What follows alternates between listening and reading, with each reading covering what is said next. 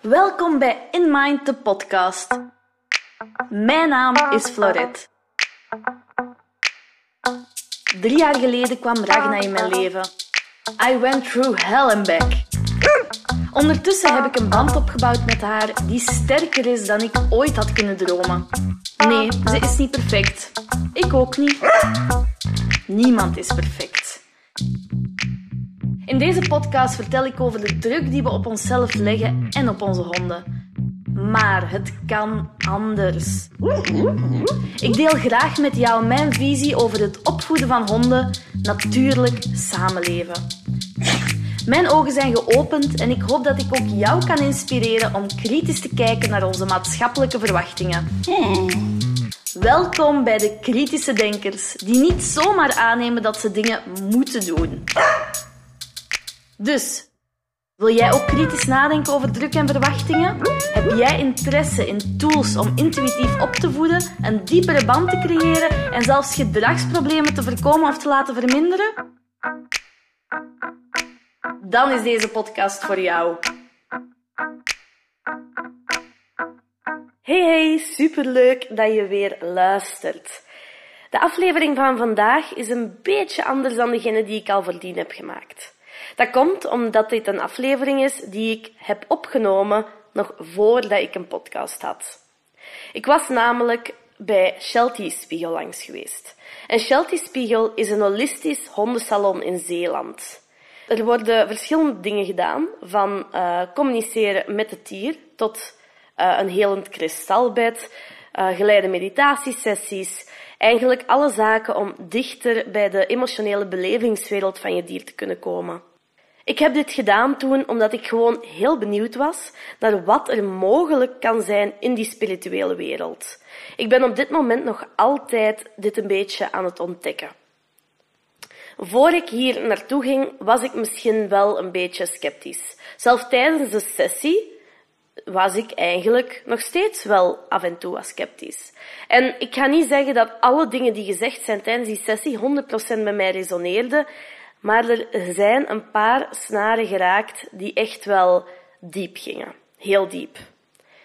Er zijn daar dingen gezegd die me echt tot de, het core van mijn lichaam hebben vastgepakt en ook een hele tijd niet meer hebben losgelaten.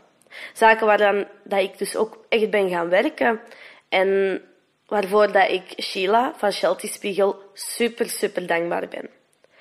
De aflevering die jullie nu gaan horen is eigenlijk wat ik toen, de dag na die sessie, heb opgenomen, omdat ik het gewoon van mij af wou vertellen. Ik wist toen niet of dat ik er zeker een aflevering van ging maken, maar ik ga het toch doen. Deze aflevering is zeer persoonlijk en gaat natuurlijk over spiritualiteit. Het gaat iets minder over honden, ook al was dit een sessie samen met Ragna. Het zijn persoonlijke dingen die mij hebben geraakt, die eigenlijk over mij gingen, die ik vooral deel. Ik wil dus ook vragen dat je een open geest houdt als je hier naar luistert. Je mag zeker vinden dat dat bullshit is, maar ik vertel over mijn ervaringen en hoe dat het op mijn emotionele belevingswereld heeft gewerkt. Als je zelf interesse krijgt om zo'n sessie te gaan doen samen met je hond bij Shelty Spiegel, kan ik het alleen maar aanraden. Het was een heel aangename ervaring, ook al was ik er compleet kapot van nadien. En dan bedoel ik mentaal, emotioneel, alles was op. Maar de energie die ik nadien voelde, toen alles was gezakt opnieuw, was fantastisch. En ik ben wel degelijk weer wat dichter tot Ragna gegroeid tijdens die sessie. Dus hier komt hij dan. Ik hoop dat jullie het interessant vinden en deel zeker met mij of jij zelf ook al zo'n ervaringen hebt gehad uh, bij een spiritueel hondensalon of op een andere plaats. Iets van spirituele ervaringen die jou echt tot in het diepste van je hart hebben geraakt. Veel luisterplezier. Ik heb iets nieuws gedaan. Ik ben naar Zeeland gegaan met Ragna. Naar uh, het holistisch hondensalon Shelty Spiegel en we hebben een innerlijke reis gemaakt. Voor mij is dat extreem, want enkele maanden geleden zou ik mezelf plaatsen tot de categorie niet spiritueel. En nu maak ik een innerlijke reis. Met iemand die communiceert met honden. Iemand die um, entiteiten kan zien. Iemand die je helpt om connectie te maken met je gidsen. Allemaal gloednieuwe dingen voor mij. En het was een beetje veel. Of dat ik nu alles 100% geloof dat er gezegd is geweest, dat maakt volgens mij niet uit.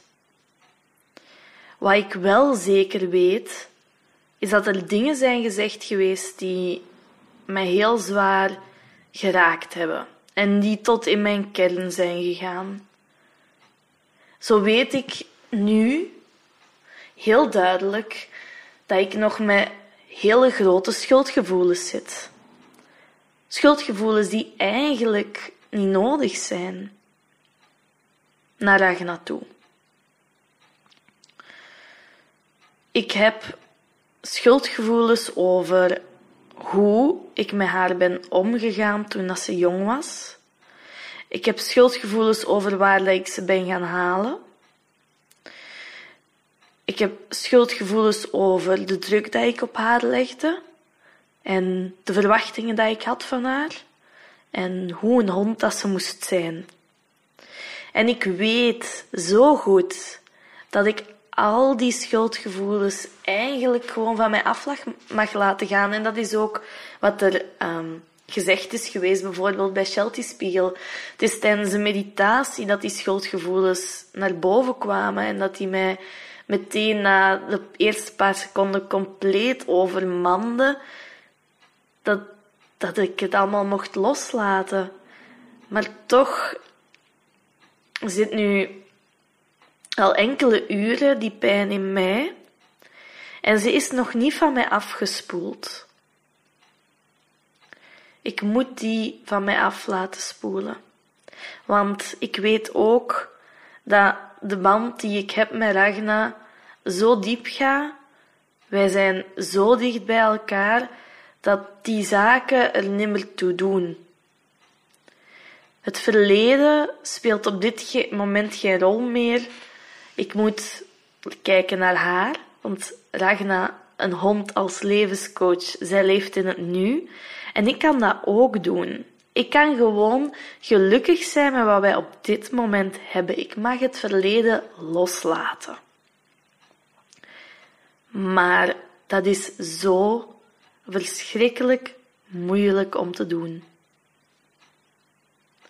Er werd gesproken over dat ik onder een waterval kon gaan staan en dat ik het water op mij mocht voelen en alles van mij af mocht laten stromen. Al die gevoelens, al die slechte energie, dat ik die van mij af mocht wassen.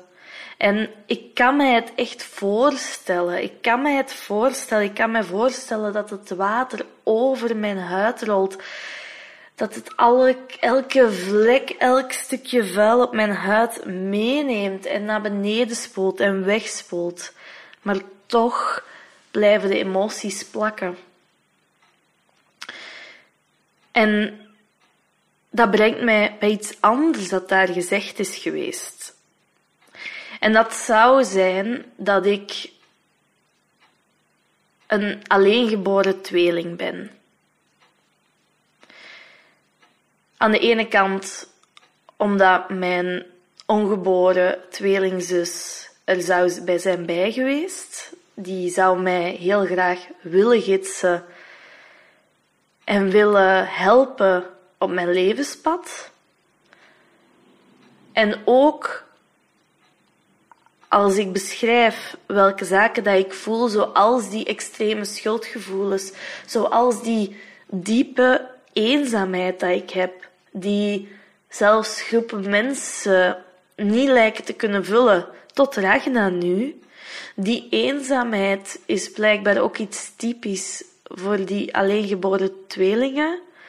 En er zijn nog zo'n zaken, zo iets heel grappig als je knuffel niet kunnen loslaten. Dit is een heel klein beetje over mij Ik slaap nog steeds met mijn geboorteknuffel. Ik heb die nodig om tot rust te komen. Heel vreemd. Uh, soms denk ik zelf van, allee, zet je nu niet te oud, maar ik voel mij thuis als ik die vast heb. Ja. Vreemd, maar het is zo. Kan gebeuren. Het, het rare was ook toen, toen Sheila mij die vragen stelde van voelt je je vaak eenzaam? Heb je het gevoel dat die eenzaamheid niet kan gevuld worden? Voelt je alleen? En ik antwoordde daarop ja. Toen zei ze dat ze bij onze eerste meditatie, of onze tweede meditatie, mijn zogezegde of ongeboren tweelingzus al had gezien, maar dat ze het nog niet direct wou zeggen. En zij sprak dat uit en ik weet niet, ik had dat nooit verwacht dat iemand dat zou zeggen. Ik was zelfs niet op de hoogte dat dat fenomeen bestond. Maar zij sprak die woorden uit en ik begon gewoon te huilen. Ik kan nu opnieuw huilen bij dat idee. Um, het is zo vreemd om een idee als een tweelingzus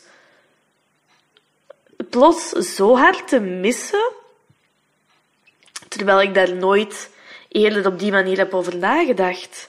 Ik weet wel dat als ik als kind altijd een tweeling wou zijn, omdat dan heb je iemand dat je echt begrijpt. En als er iets is dat ik veel heb gevoeld toen ik jong was, dan was het onbegrip. Ik voelde mij niet begrepen. Ik voelde mij heel vaak alleen om de wereld. Uh, ik tegen de rest. Um, altijd al een beetje anders geweest. Ik weet nog altijd niet goed waarom. Um, maar dat gevoel zat heel diep. En nu ineens, toen ik het woord of, of de woorden ongeboren uh, of uh, één, uh, alleen geboren tweeling hoorde, hoe, um, er gebeurt iets in mijn lichaam. Het, het voelt alsof ik nu ineens aan het rouwen ben voor iets of iemand dat ik niet eens ken of dat ik niet eens beseft heb dat er zou geweest zijn.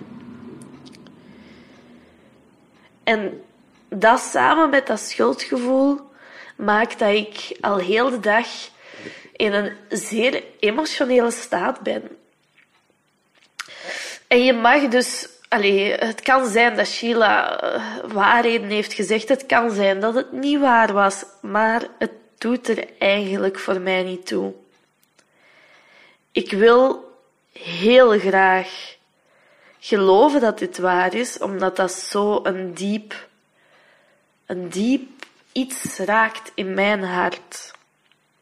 Omdat dat mij een gevoel geeft van, oeh, oké. Dit is waar ik al heel mijn leven naar op zoek ben. En het geeft mij ook terug het gevoel dat ik nog heel veel te verwerken heb. Dat ik nog heel wat processen heb of heel wat gebeurtenissen heb in mijn verleden, dat ik dacht dat ik achter mij had gelaten, maar die er toch nog altijd zitten, heel diep. En aangezien dat ik meer vrij wil worden en meer mijzelf wil leren kennen. Ik wil, ik wil mijn volste potentieel benutten. Ik wil niet meer leven zoals mensen verwachten van mij dat ik leef. Ik wil niet meer mijn hond laten leven zoals mensen verwachten dat een hond moet zijn.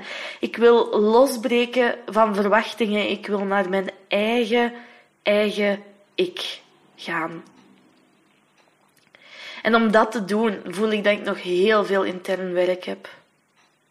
En ik ga sowieso Ragna gebruiken om mij daar verder in te leiden. Want ik weet dat zij een geweldige spiegel is voor mij. Zij is een coach, zij is een steun dat ik nog nooit heb gehad eerder. En er zijn heel veel mensen die dat niet kunnen begrijpen. De steun dat je voelt bij een hond of bij een ander dier, die steun is onvoorwaardelijk.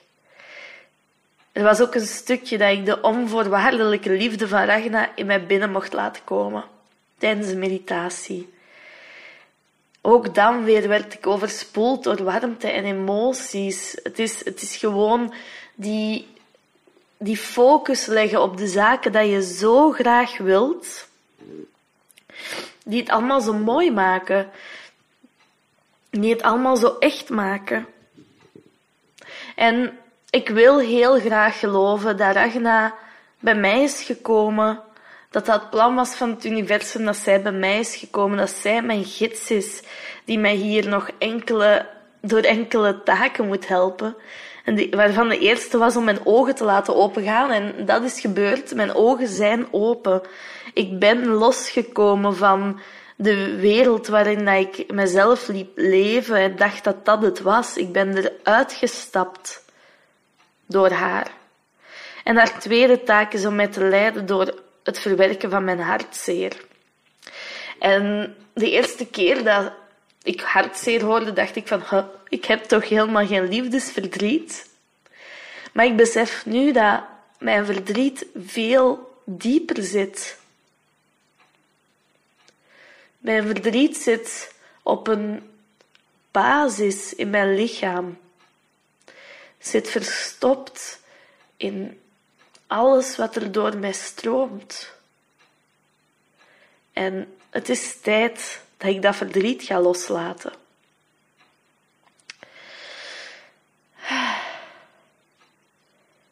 Hoe zo een twee uurtjes bij iemand zitten zonder verwachtingen, waarvan de mensen rond mij zeggen dat dat veel te zweverig en zever is, mij zo diep kan raken. En dat is ook wat ik eerder al heb willen delen met spiritualiteit. Is, je moet dat niet zien als mensen die zeggen hoe je toekomst er gaat uitzien. Of als mensen die uh, zeggen wat jij moet doen of wie dat jij bent. Je moet dat zien als een kans om te voelen en om tot in je hart te voelen hoe dat het gaat met jou of de mensen rond jou en hoe dat je je kunt laten leiden. En spiritualiteit is slechts een tool om jou die juiste stappen te laten maken. Het is geen waarheid. Het kan jouw waarheid zijn, maar het is geen waarheid. Het is wat je er zelf van maakt. En ik haal hieruit wat ik hieruit wil halen. Ik weet niet of dat ik elk woord tot in de core van mijn lichaam geloof. Ik weet dat niet. Ik weet ook niet of dat ik het niet geloof. Ik weet gewoon wat ik voel. En wat ik nu voel is een rouwproces dat gestart is. En waar dat ik door wil werken. Waar dat ik dieper in wil gaan. Want ik wil de pijn voelen. Ik wil die aanvaarden. En ik wil die kracht geven en ergens de kracht over mij laten verliezen, want ik wil tot mijzelf komen.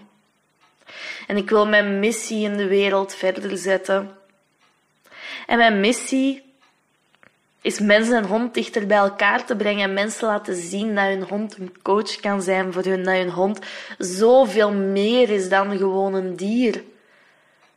Maar ergens wil ik ook gewoon dat mensen langzaamaan allemaal hun ogen beginnen openen en hun ogen openen voor wat zij zijn en willen zijn en niet voor wat zij denken dat moet.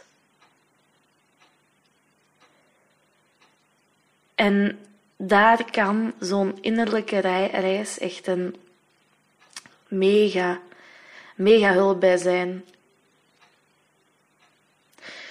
Dit was eigenlijk alles wat ik hierover wilde vertellen.